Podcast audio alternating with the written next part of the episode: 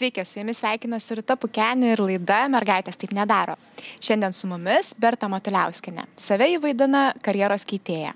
Vos pernai iš finansų srities į pasuko į tech, šiuo metu dirba programuotoja ir ko ne kasdien savo darbo užkulisiais dalinasi Instagrame. Čia Berta seka daugiau negu 28 tūkstančiai programavimo entuziastų.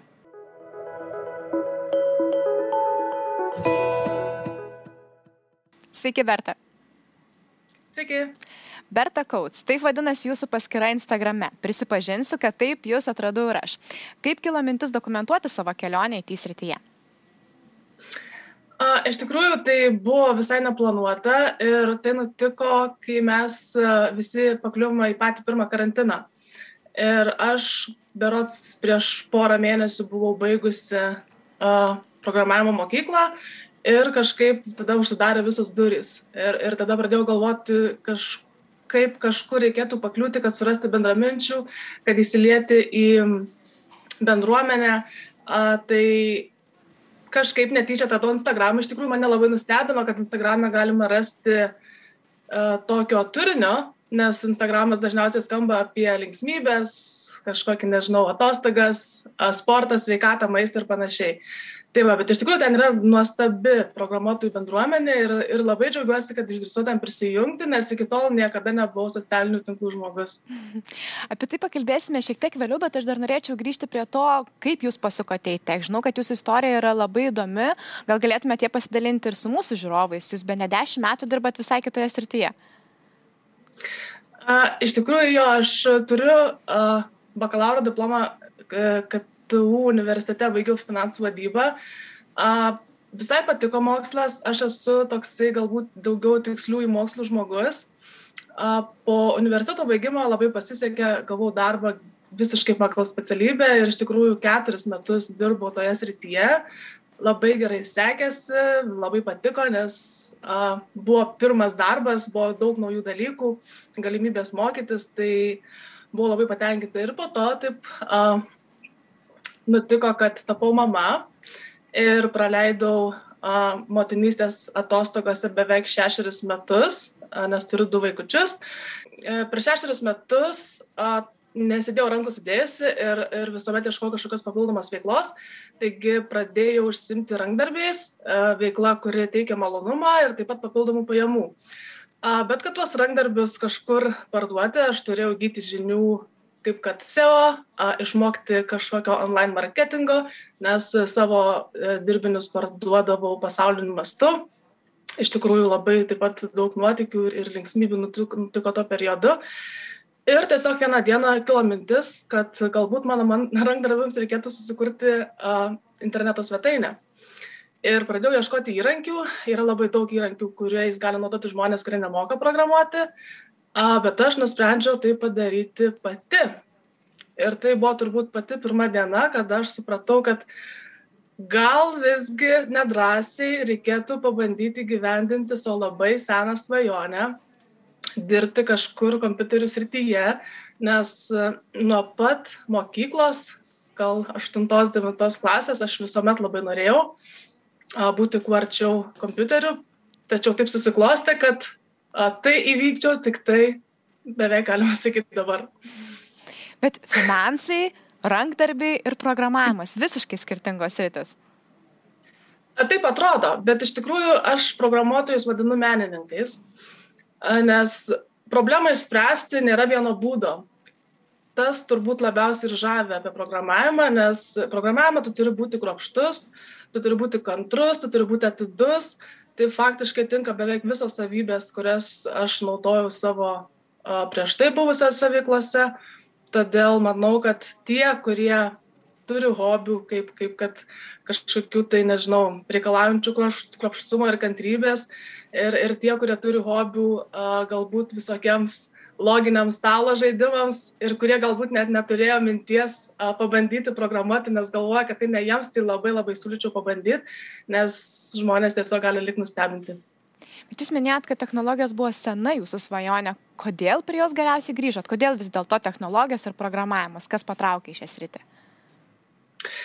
A, visą laiką aš esu toks žmogus, kuriam labai daug dalykų yra įdomu ir aš beveik visada vis kažką tai mokausi. Ir technologijos galbūt nuo mokyklos laikų patraukė tuo, kad tai buvo visiškai nežinomas rytis. Aš atsimenu, kai mes su klasiokais rinkomės, kur studijuosim, pildėm anketas universitetams ir atrodė, matematika kaip ir aišku apie ką, vadyba kaip ir galima nuspėti apie ką, menai galima nuspėti apie ką, bet technologijos tai buvo kažkas wow. Iš tikrųjų, aš bandžiau įstoti ir man nelabai pasisekė, nes vadų universitete likau pirmą už brūkšnio. Labai laukiau, kad galbūt kažkas pasikeis iki rugsėjo, bet dėja, tai tuomet teko rinktis finansus. Bet programuoti jūs mokėte savarankiškai, tiesa? Taip, pradėjau visiškai pati savarankiškai, atsimenu, prisėdau a, prie vienos online platformos ir per penkias dienas padariau visiškai paprastą internetinę svetainę. Tada galvojau, wow, čia taip lengva. Bet užkabino, tai buvo pati pradžia, o kaip toliau tas jūsų kelias į programavimą dėstys? Toliau, aišku, buvo sunkiau, nes e, kuo, kuo giliau į mišką, tuo daugiau medžių. Iš tikrųjų, programuotojams turbūt pagrindė reikalinga savybė tai yra kantrybė, nes labai dažnai būna situacijų, kai tau tiesiog nesiseka ir tu turi kantriai sėdėti, ieškoti sprendimo, galvoti ir, ir sprendimas galų gale vis tiek visą laiką ateina. Anksčiau ir vėliau. Tai a, man nebuvo minčių, kad aš norėčiau tai mesti. A, aš galbūt esu per daug išsispyrusi. E, Instagrame po šiek tiek laiko susiradau bendraminčių ir, ir kai tu nesi vienas galbūt, tada atsiranda visas smagumas ir, ir tu tiesiog pasineryta.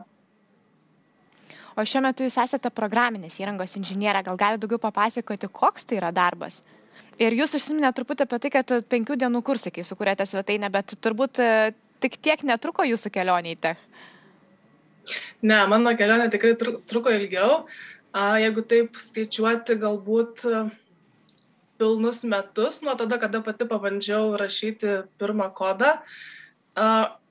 Manau, kad truputėlį įtakos šitam laikotarpiu turėjo pats COVID, nes buvo šioks toks samišis, kai mes kovo mėnesį išėjom į, į patį pirmą karantiną, labai daug žmonių buvo pasimetę ir, ir viskas kėlėsi į online ir, ir toks truputėlį samišis, tai iki vasaros buvo toksai truputėlį gal sastingis, bet aš tuo metu pradėjau mokytis truputį kitą sritį, negu aš mokiausi programavimo mokykloje, nes nenorėjau taip lengvai visko paleisti, buvo įdėtas tikrai pakankamai didelis įdirbis ir aš tuomet pradėjau specializuotis visiškai į frontendo sritį, išmokau frameworką ir susikūriau projektus, nes e, kai tu neturi patirties prieš tai, tavo CV turėtų užpildyti projektai, nes tu turi parodyti, ką tu sugebi, kaip tu sugebi ir, ir, ir, ir kodėl tu taip sugebi. Tai, va, tai, tai kelias tikrai nebuvo trumpas. Taip, programinės įrangos inžinierija iš tikrųjų yra labai sriti, platis rytis ir, ir, ir jinai apima daugelį kategorijų programavime. Aš pati asmeniškai specializuojuosi kol kas frontendo srityje, nors šiame darbe esu skatinama tapti full stacko programuotoja, kas irgi labai traukia ir aš labai džiaugiuosi šitą galimybę. Bet mano darbas yra susijęs su UI, tai yra user interfaces ir, ir faktiškai aš atsakinga už dalykus, kuriuos mato klientas ekrane. Mhm ir atsakinga už dalykus, kad jie ne tik atrodytų gerai, bet kad jie būtų patogus ir, ir, ir kad klientas neturėtų nusiskundimų naudodamasis mūsų produktu. Jūs kalbėjote, kad mokėtės metus, po to pakeitėte mokymosi sritį, o kiek laiko nuo pirmųjų pamokų iki pirmojo darbo užtruko? Tiek darbo ieškojate labai sudėtingų metų, užsimėt, kad per karantiną? Taip, darbo iš tikrųjų ieškojau per karantiną Ir kovo mėnesį mes pakliuvome į karantiną, rūpiučio mėnesį aš gavau savo patį pirmą darbą. E, iš tikrųjų, nežinau, ar tai yra greitai ar lietai, bet e, pastangų įdėti teko, e, buvo ir bemėgių naktų, bet aš labai norėjau ir, ir labai to mėgavausi. Tai nebuvo kažkoks procesas daromas per prievartą ar kažkas tą, kad, kad man tiesiog reikia daryti. Man buvo smagu, tai gal todėl taip ganėtinai greit pavyko susirasti pirmą darbą. O ar tiesa, kad net ir Instagrame jūs esate sulaukusi darbo pasiūlymo? Kokia situacija tai buvo? Taip, Instagrame iš tikrųjų sulaukiu daug darbo pasiūlymų, ypatingai su vadinamais startupais, nes šiandien turbūt yra toks laikas, kada programuotojas turbūt yra vertinamas taip pat jeigu jis turi papildomų žinių susijusių su online marketingu, nes dažniausiai pasiūlymai, kurie man ateina, tai būna tapti frontendo srities kūrėja ir kažkiek užsimti socialiniais tinklais, kad tą produktą ar, ar, ar, ar prekę, ar, ar tai kažkokį tai uh, internetinių kursų platformą, kas labai dažnai šiuo metu irgi uh, auga rinkoje, tai kad, kad tiesiog padėti išpopuliarinti ir, ir padėti sukurti. Aš pirmiems darbams galbūt skyriau tokį prioritetą, kad norėjau prisijungti prie kompanijų, kurios yra stabilesnės, nes uh, vadinamieji startupai, um, jie gali būti galbūt per didelis iššūkis pradedančiajam programuotojui, nes nuėjęs į tokią vietą, tu turėsi labai daug visko daryti pats ir tikriausiai be niekieno pagalbos. Tai netgi galbūt um, kažkuriuo metu galbūt pradėsi dvėjoti savo žiniomis, nes tiesiog neturėsi, kas iš šalies jas įvertintų ir, ir galbūt abejosi savo sprendimais, nes taip pat neturėsi, kad kažkas tai iš šalies juos pagrįstų ir, ir, ir galbūt patvirtintų. O pastebėjau, kad Instagrame mielai dalinatės ir praktiniais patarimais, darbiniais patarimais, naudingais įrankiais, metodikomis. Ką galėtumėt jūs patarti tik pradedantėm žengti pirmuosius žingsnius ten? Visų pirma, nebijoti. Nes žmogus yra toks įdomus kūrinys, kuris dažniausiai bijo dalykų, bet tų dalykų, kurių jis nėra išbandęs arba su kuriais jis nėra susidūręs. Tai programavimas yra toksai gigantas, bet tas gigantas turi labai labai daug sričių e, ir jos visos yra skirtingos. Tai jeigu tik kažkam kyla mintis pabandyti, pirmiausia, aš siūlyčiau atlikti e, rinkos tyrimą apie tai, kokios egzistuoja sritys, specialybės, nes jų yra tikrai, tikrai labai daug. E, yra labai daug programavimo kalbų, vienos yra lengvesnės, kitos yra sudėtingesnės ir, ir ta prasme tiesiog nebijoti, nerti tikrai bus dienų, kai bus sunku ir tikrai bus dienų, kai pradėsite abejoti, ar, ar, ar tai yra teisingas kelias, bet, bet juo eiti verta, nes um, mokslo šaknys karčios, bet vaisiai visuomet yra saldus. Bet kaip tų vaisių pasiekti? Jūs pati užsiminėt, kad programavimo kalbų iš tiesų yra labai daug. Ar išsirinkti kažkokią programavimo kalbą? Ar yra kažkokios perspektyviausios programavimo kalbos? Ar žiūrėti pagal sritį, kurioje nori dirbti? Ar tiesiog bandyti nerti aklai ir tada jau žiūrėti, kur tas kelias tave nuves? Iš tikrųjų labai geras klausimas. Aš labai dažnai gaunu tokių klausimų Instagrame ir, ir aš dažniausiai žmonėms patariu, kad mokintis reikėtų tai, kas tau tikrai patinka. Nes yra programavimo kalbų, kurios yra naudojamos data moksle, yra programavimo kalbų, kurios yra naudojamos dirbtiniam intelekte, e, yra programavimo kalbų, kurios naudojamos paprasčiausiams interneto svetainėms kurti.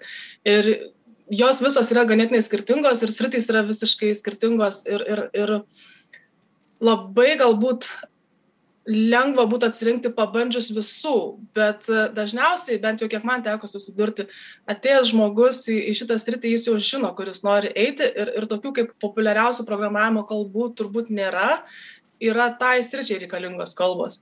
Tai šiuo metu uh, toksai uh, rinkoje yra juokelis, kad uh, ar, ar ne per vėlu 2021 metais mokintis web programavimo, kurti svetaines, nes ateina dirbtinis intelektas, kuris tai padarys už mus. Tai dabar yra tokia galbūt nauja banga, kada žmonės tikrai domisi dirbtinio intelekto kūrimu ir, ir programavimo kalbom, kurios su tuo susijusios. Man dar labai patiko ir jūsų mintis, kaip jūs apibūdinote programavimą. Atrodo, kad tas žinojimas niekada nesibaigs. O tai vargina ar žavi? Iš tikrųjų žavi mane asmeniškai, bet tai labai priklauso nuo žmogaus, nes žmonės neretai mėgsta daryti truputį pasikartojantį darbą, kai tu viską žinai ir tu jauties ramus, tau nėra streso.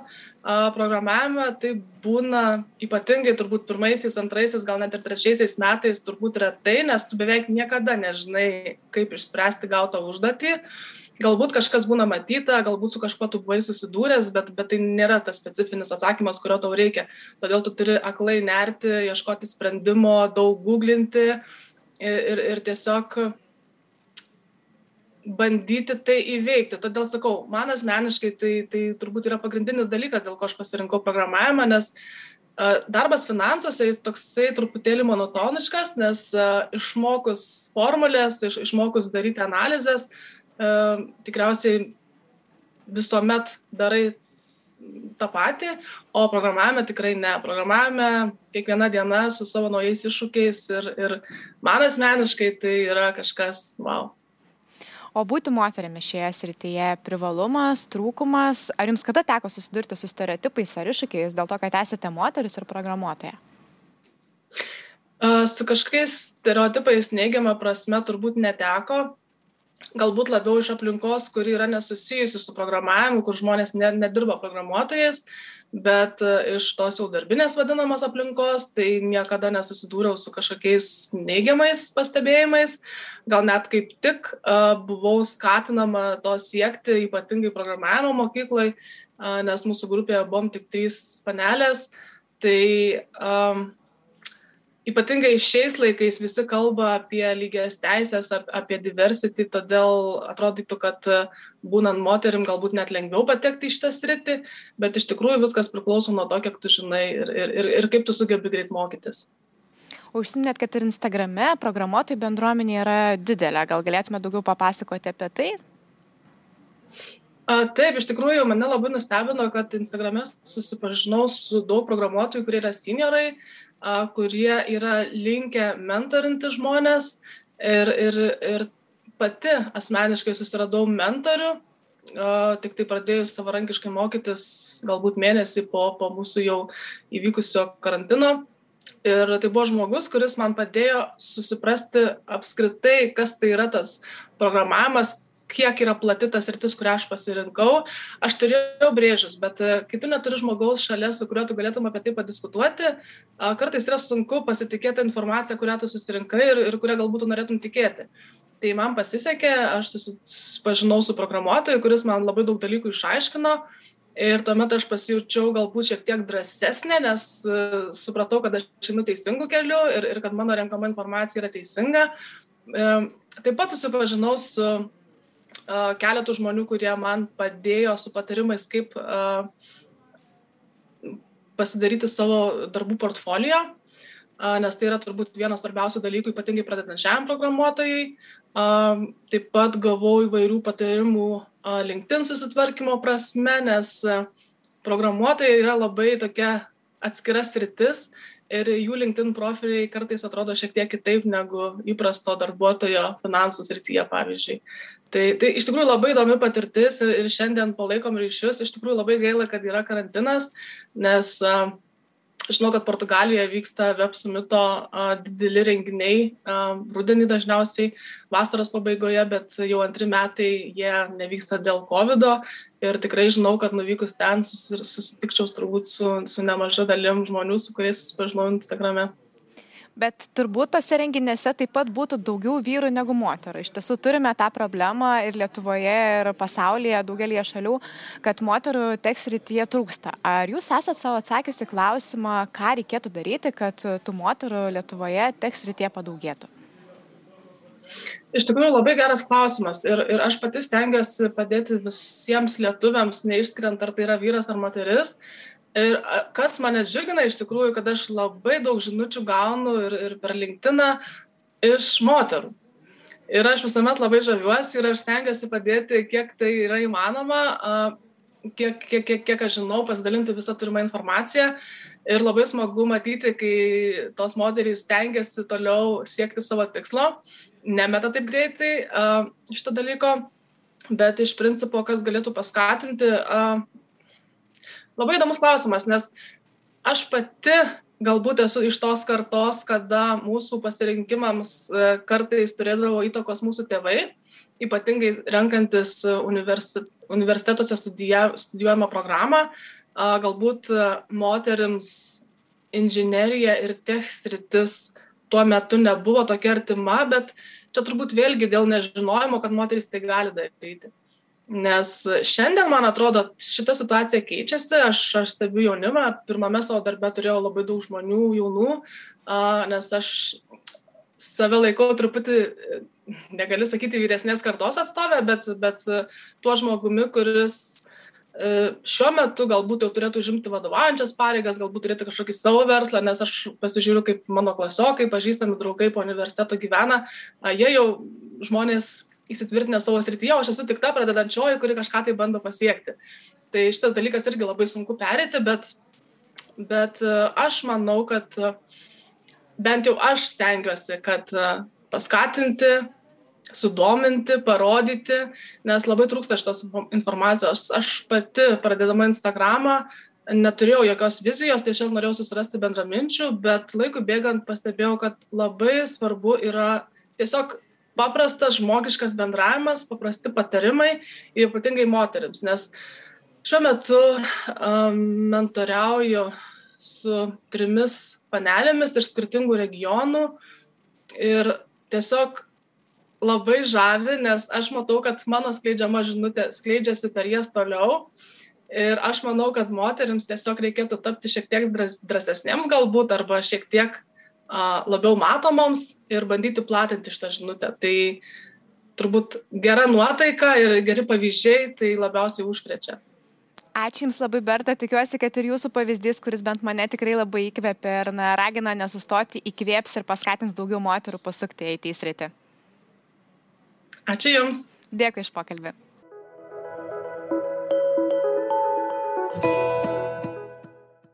Dar kartą noriu padėkoti Bertai už pokalbį ir už įkvepiančias jos mintis, taip pat jums, kad žiūrėjote šią laidą.